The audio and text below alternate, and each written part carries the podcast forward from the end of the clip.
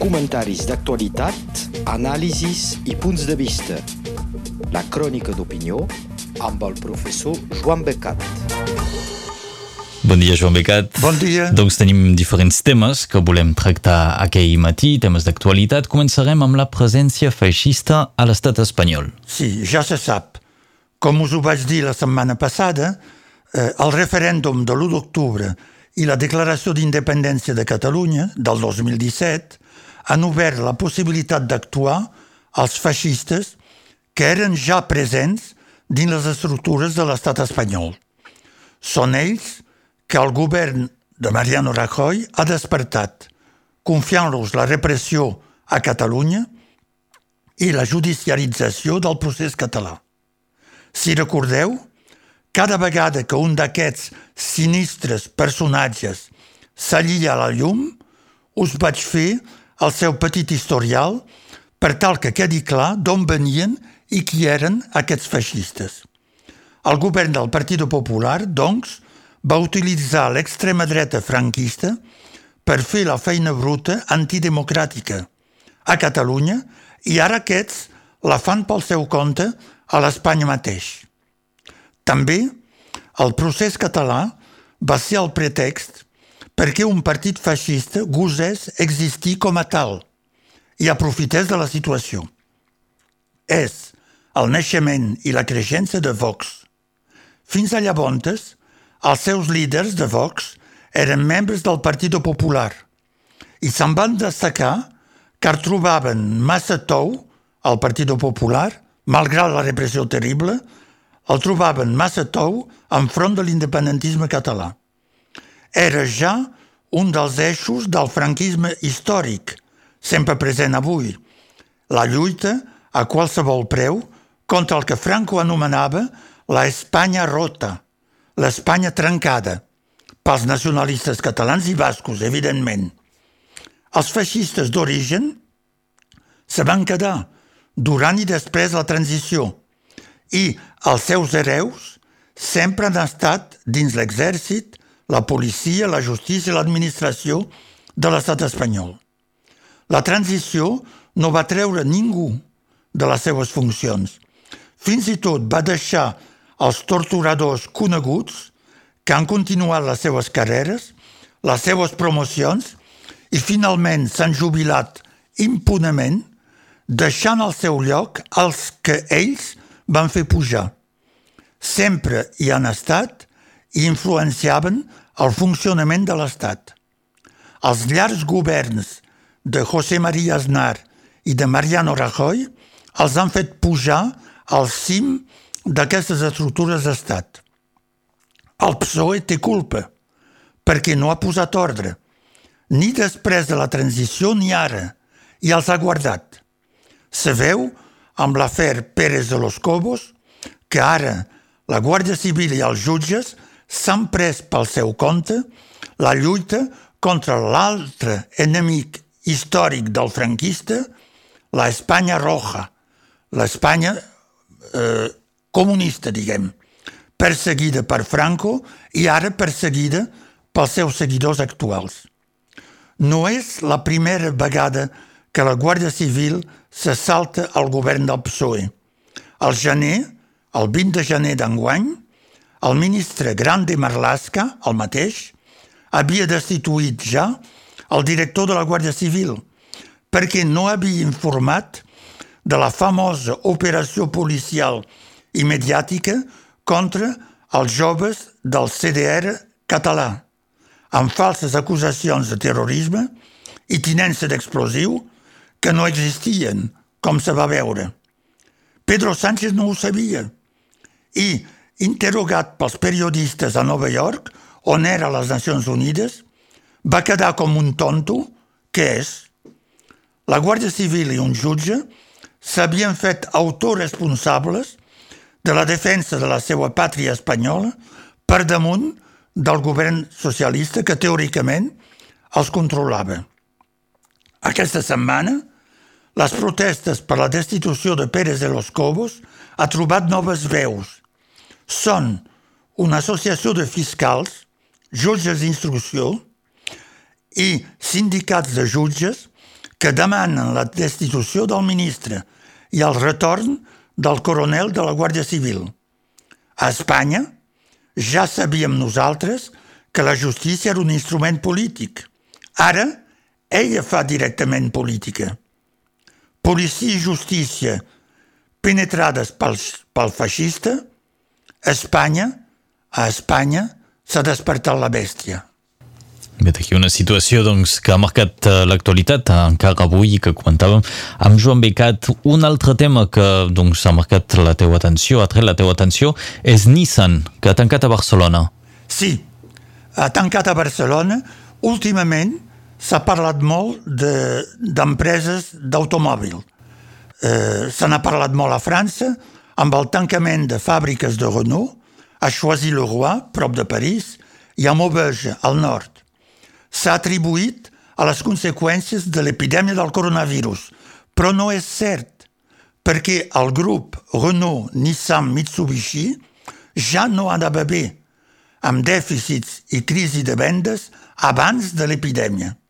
Ara bé, si el Covid-19 no és el culpable directe, és evident que el confinament ha accentuat la dolenta situació econòmica del Consorci amb la caiguda de les vendes i ha accelerat la presa de decisions dràstiques que ara veiem.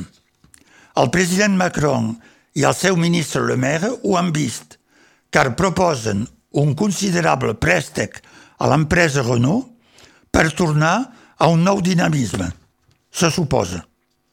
És el final, de fet, i el fracàs de l'estratègia de Carlos Ghosn, que va reagrupar les tres empreses i tenia ambició de fer-ne el primer grup mundial. Va fer eixamplar les fàbriques, creant-ne de noves, que, per falta d'èxit comercial, funcionen ara a mig gas i perden diners. La queixa de Nissan prop de la justícia espanyola ha fet caure eh, el president Carlos Ghosn i Renault no el plora, sinó que ara passa a una altra etapa. Canviem de pàgina. Doncs Renault tanca la fàbrica de Choisy-le-Roi, que funcionava, això no es diu, a menys d'un terç de la seva capacitat, i reagrupa tot sobre Flins, també prop de París. Són 4.600 llocs de treball menys, i Renault farà retalls de plantilla també a altres països on s'havia instal·lat. Passa el mateix per Nissan, el soci de Renault, que tanca la seva fàbrica de Barcelona, que funcionava també a només 30% de capacitat i perdia molt diners. Era previsible. La, la premsa del sud n'ha parlat molt. La Vanguardia, Filaweb, l'Ara, el Punt Avui, tothom. Són 3.000 llocs de treball perduts, sense comptar els sots contratistes, les sous-traitants, es veu que, que tot això, de fet, entra en un canvi profund d'estratègia de les tres firmes que ha anunciat fa poc el president de Renault. D'una banda, volen harmonitzar les produccions, és a dir, fabricar en comú els elements dels cotxes, els motors, les peces essencials, per a baixar costos. Al final, ben vist, els cotxes tindran tres marques diferents, logos diferents, línies de forma diferents, però les estructures i l'interior gairebé seran idèntics. L'altre canvi és repartir-se al món en lloc de fer-se competència a tot arreu. Així, Nissan abandona la fàbrica a Europa, evidentment hi continuarà venent cotxes, però amb importacions. Per això tanca Barcelona i per ara, sense tancar, para la seva segona fàbrica al nord d'Anglaterra. A veure si Renault la vol recuperar ara que el Regne Unit és fora de la Unió Europea per vendre cotxes Renault a Anglaterra i exportar des d'allà. Nissan tindrà Àsia i Amèrica del Nord, Mitsubishi fa igual, ha tancat la seva fàbrica als Països Baixos per concentrar-se a Àsia i Oceània. La, per la seva banda, Renault tindrà l'Europa i l'Amèrica Llatina. En l'estratègia de Renault, sembla cert que ha jugat la pressió del govern Macron-Philippe i l'accionariat públic de 15% que ha guardat l'estat francès. També han jugat els 5.000 milions, 5 miliards, que ha posat el govern sobre la taula per fer penjar la balança cap a una reestructuració a Europa a favor de Renault.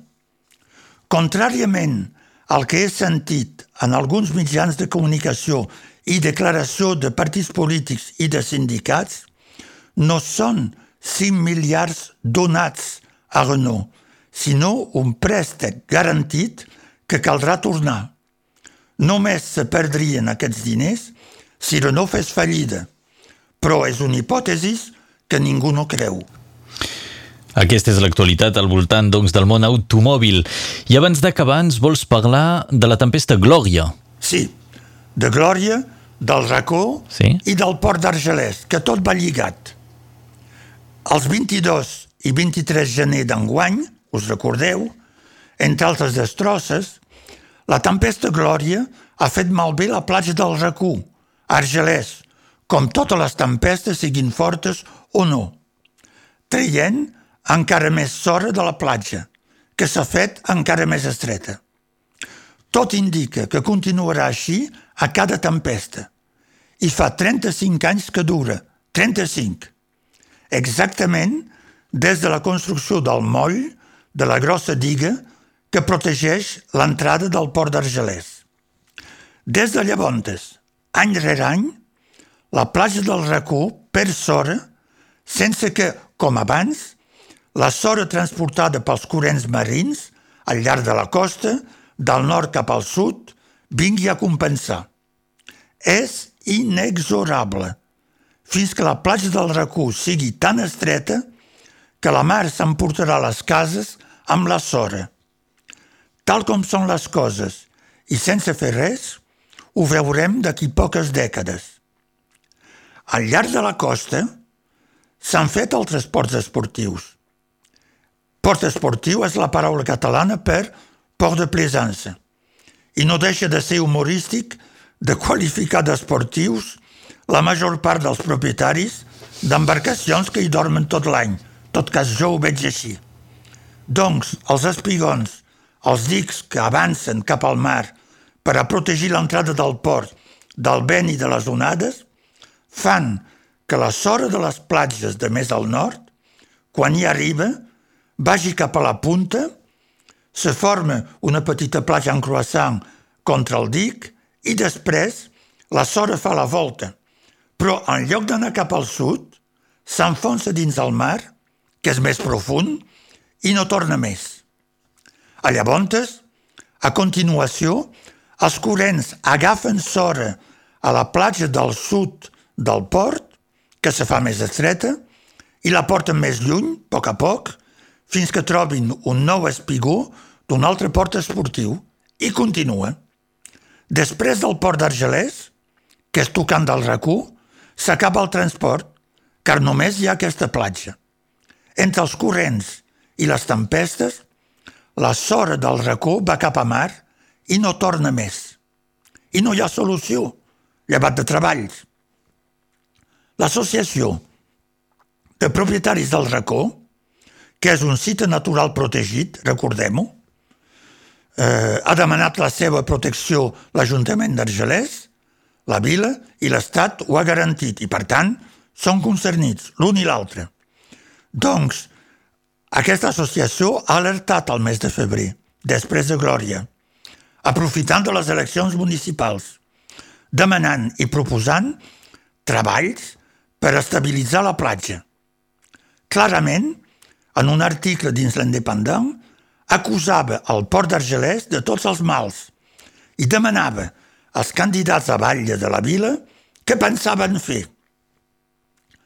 Això me va fer pensar quan uns nens juguen a tocar el timbre de la vostra porta a casa i que quan s'alliu i en pesqueu un amb el dit encara sobre el timbre, aquest nen vos diu C'est pas moi, monsieur, c'est un autre. Som pas jo, senyor, és un altre. És exactament el que han fet els tres candidats a Batlle d'Argelès. L'Antoine Parà, Cares Batlles, i aquí es demanarà comptes, Charles Campinyà i David Triquera. La culpa era, per ells, de la tempesta Glòria, i era l'Estat de fer les obres i de gastar diners, car és en domini públic marítim la platja. Hipocrisia total. Car, si és la tempesta Glòria que ha tret la sora al gener, és únicament el port d'Argelès que provoca la desaparició de la platja. Per tant, li toquen també les conseqüències. A més, la vila d'Argelès és ella que ha volgut el port i no pas l'Estat que era reticent. Però això és una altra història. Però us prometo que us la contaré un altre dia. Doncs hi contem. Joan Becat, moltes gràcies. Bon dia a totes i a tots. Comentaris d'actualitat, anàlisis i punts de vista. La crònica d'opinió amb el professor Joan Becat.